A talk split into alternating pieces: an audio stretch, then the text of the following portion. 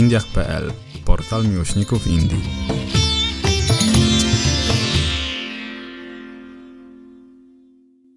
Zapiski na kolanie. Odcinek drugi. Rzeczy nieoczywiste. Z pierwszego spotkania z Indiami wyraźnie pamiętam dywan.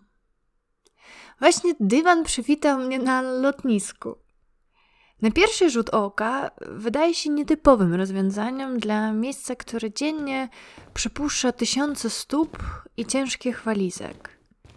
Daje schronienie ludziom w podróży albo otwiera drzwi ogromnego świata przed nowicjuszami tulaczki. Myślę, że każde lotnisko ma swój charakter. W swój sposób zapada nam w pamięć, odbija się w niej jako pieczątka, podobna do tej, której dostajemy do paszportu. Na przykład lotnisko w moim rodzinnym mieście, Charkowie. Małe, podobne do stacji autobusowej. Okienko na walizki. Z okienka w równych odstępach czasowych pojawia się owłosiona ręka i szybkim ruchem pochłania na daną walizkę. New York.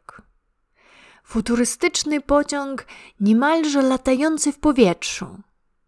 Daje namiastki tego, jak nasze miasta mogą wyglądać za kilka albo kilkanaście lat. Taszkent.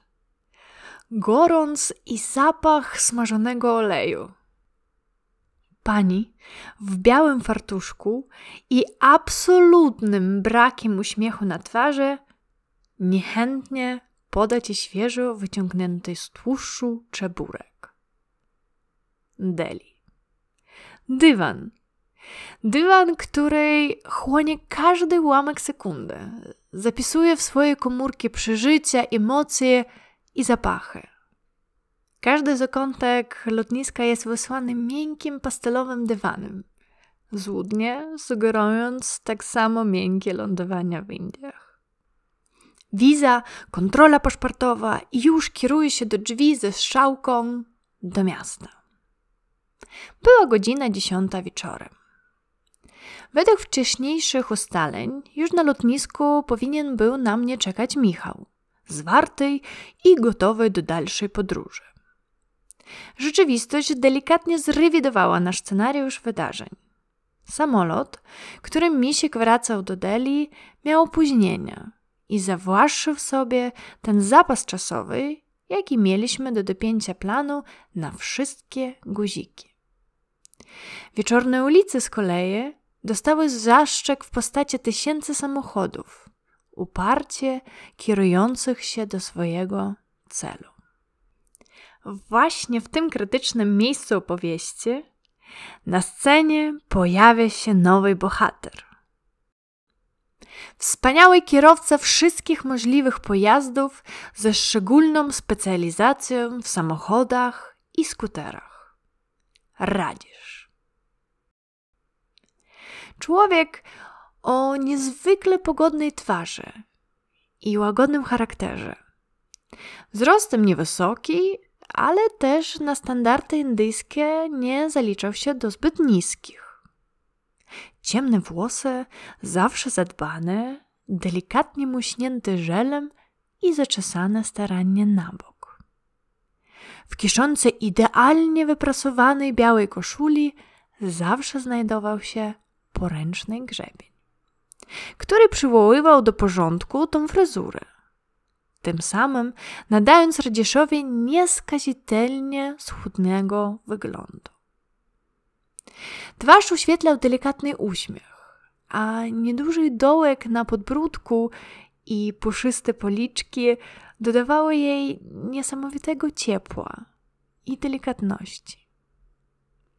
Ten obraz przełamywał bujny wąs i prostokątne, lekko przyciemnione okulary – który czasami można było przyjąć za przejaw powagi. W dzień mojego przylotu to właśnie Radzisz miał mnie odebrać z lotniska. Mieliśmy się spotkać pod słupkiem numer 15 parkingu lotniskowego. Okiem zawodowca Radzisz zauważył mnie w tłumie przybyszy. Złapał ze mną kontakt wzrokowy i, wskazując palcem na kartkę z moim imieniem, bez słów, kimnął głową na bok. Zrozumiałam, że w ten sposób pyta, czy to ty jesteś Marią. Kiwnęłam, naśladując ruch jego głowy w odpowiedź. Uśmiech Ulki rozlał się na jego twarzy i nie zwlekając już ani chwilę, ruszył w moim kierunku. Pakowania walizki do samochodu i dołączamy do wolno płynącej rzeki ulicznego ruchu New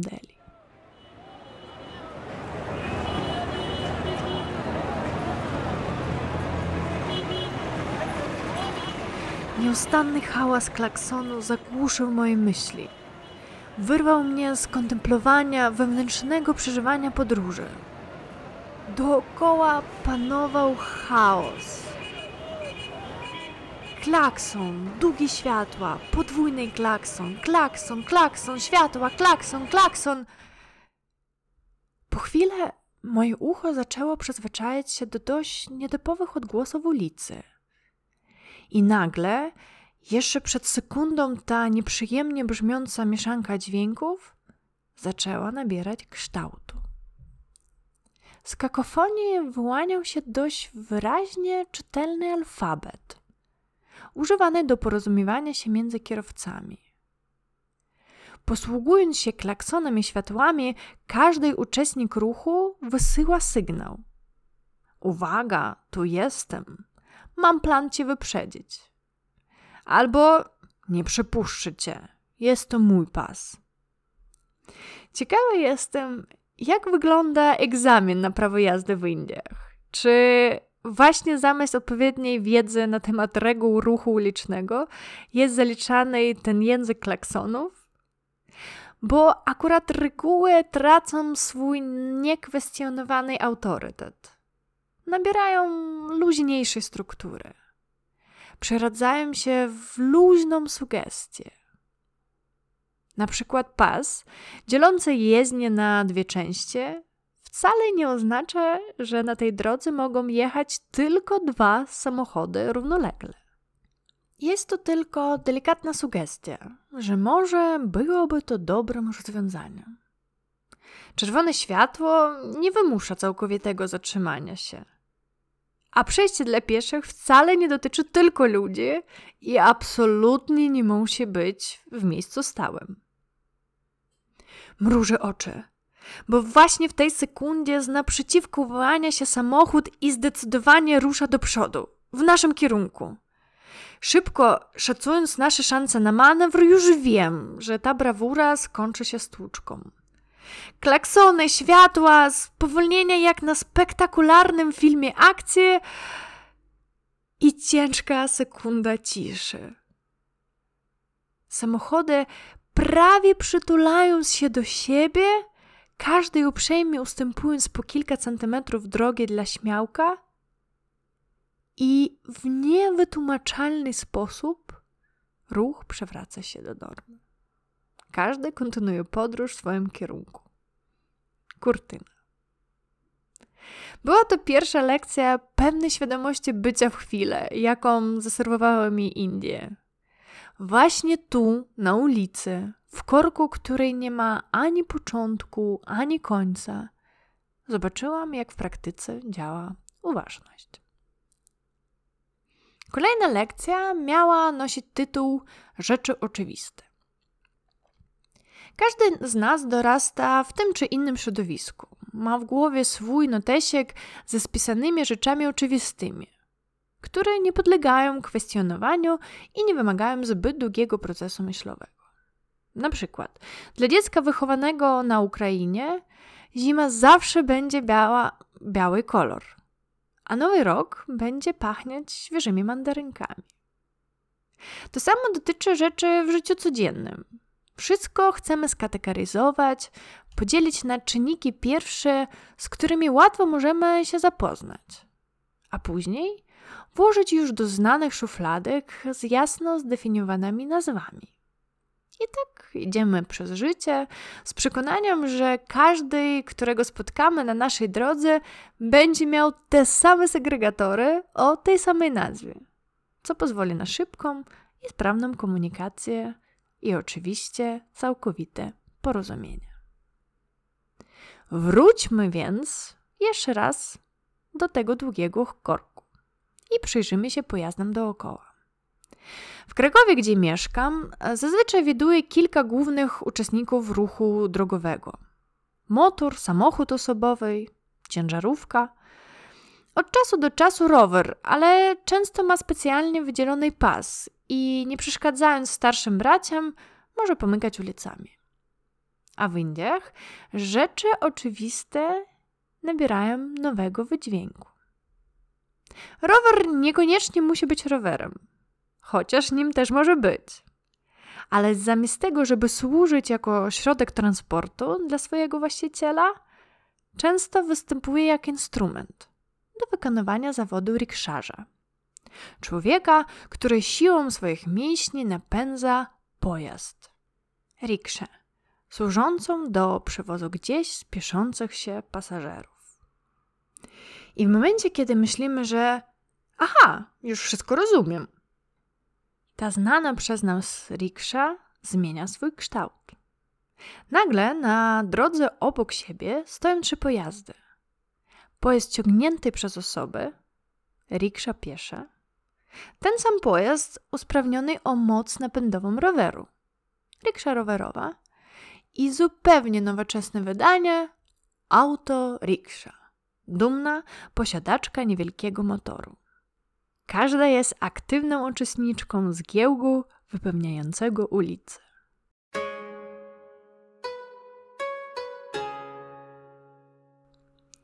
Pojazd ten pochodzi z Azji.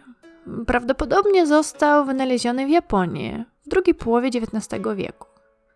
I swoją nazwę zawdzięcza połączeniu siły, riki i sha, pojazd około. Pojazd ten najpierw zrewolucjonował transport osobowy w Japonii, a nawet całej Azji Południowo-Wschodniej. A później, podczas kryzysu ekonomicznego na przełomie lat 20. i 30., na zawsze utwierdził swoją mocną pozycję w szeregu pojazdów osobowych. Były one też pomocne również w Europie. W Warszawie w okresie niemieckiej okupacji służyły jako taksówki osobowe i towarowe. Rozglądamy się dalej. Motor, albo częściej spotykana odmiana w Indiach skuter. Szybki, poręczny sposób na poruszanie się w labiryntach miasta. Jednocześnie może poruszać się na nim jedna, maksymalnie dwie osoby. Aż nagle widzimy obraz, w który nie do końca możemy uwierzyć. Za kierownicą siedzi mężczyzna. Za jego plecami, wtulona w niego, siedzi kobieta. Zgaduję, że jest jego żoną. Między nimi, prawie nie zabierając przestrzeni na tym skuterku, wciśnięty jest sześcio-siedmioletnie dziecko. Z tyłu są przyczepione jakieś skrzynki, kanki na mleko albo inne bagaże, które wydłużają ten skuter o kolejne centymetry. Tym samym tworząc siedzisko dla kolejnego dzieciaka. Miejsce przed kierownicą też nie jest marnowane. I dzielnie pilnując drogi, siedzi tu kolejny mały członek rodziny. A jeżeli ta rodzina jest jeszcze większa, to zawsze z pomocą przyjdzie miejsce bezpośrednio na kierownicy. I tak, balansując jak mały ptaszek na patyczku, bez żadnych zapięć i pasów, podróżuje najmłodszy z rodziny. Samochody wydają mi się być całkiem podobne. Tylko kierownica jest po drugiej stronie i przez pierwsze chwile cały czas może się wydawać, że skręcamy pod prąd. Dużo samochodów ma na sobie blizny, zebrane przez tak burzliwe życie w tym mieście. Można pomyśleć, że już widzieli niejedną wiosnę. ale zaglądam do środka jednego z takich samochodów z bliznami. I widzę, że siedzenia są ciągle zabezpieczone przezroczystą folią, jakby tuż przed chwilą wyjechało z salonu. I następuje znowu załamanie naszego zrozumienia rzeczy oczywistych. Czy ten samochód jest nowy, czy stary? Jak ocenić sytuację? Ostatnią na mojej liście była ciężarówka. Ten rodzaj transportu zawitał do Indii w latach 40. ubiegłego wieku, podczas II wojny światowej i wtedy służył do przewozu głównie zbroi i amunicji. Teraz w kraju o powierzchni prawie 4 milionów kilometrów kwadratowych kierowcy ciężarówek są tymi, którzy dosłownie utrzymują indyjską gospodarkę w ruchu. I tak samo jak czerwone krwinki dostarczają naszej każdej komórce niezbędnej do życia tlen, ciężarówki dostarczają towary do wiejskiej części kraju, do których nie można dojechać koleją. Ale jak przystało na Indię, też są czymś więcej niż tylko środkiem transportu i biznesu.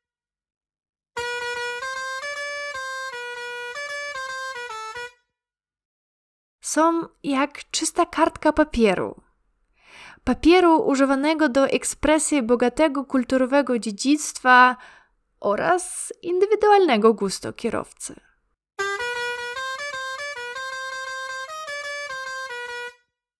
Są też ułamkiem wspomnień o rodzinie, zostawionej hen daleko. Są wiernymi towarzyszkami w dalekiej podróży. Kierowcy spędzający w podróży około 10 z 12 miesięcy rocznie dbale i z dużą dawką czułości nadają charakter swoim ciężarówkom, sprawiając, że żadna z nich nie jest taka sama i może z lekkością zaprezentować swoją osobowość poprzez swoje dekoracje.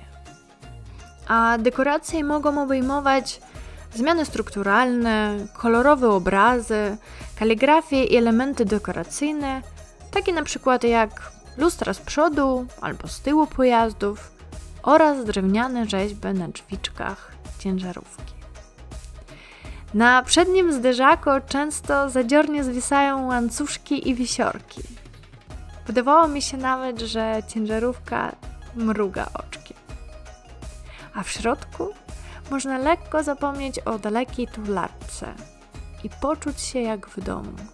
Wśród kadzidełek, miękkich dywanów i rzeźbionych szafek. I znowu klakson sprowadza mnie na ziemię. Tym razem był ostrzejszy, głośniejszy i bardzo wyrazisty. Ostre hamowania, klakson, klakson, klakson. Patrzę na Radzisza. On odczytuje niepokój w moich oczach i tylko spokojnie mówię. Cannot go, ma'am. The road is blocked. I faktycznie, trzypasmowa autostrada była całkowicie zablokowana. Tylko znowu w sposób typowo indyjski.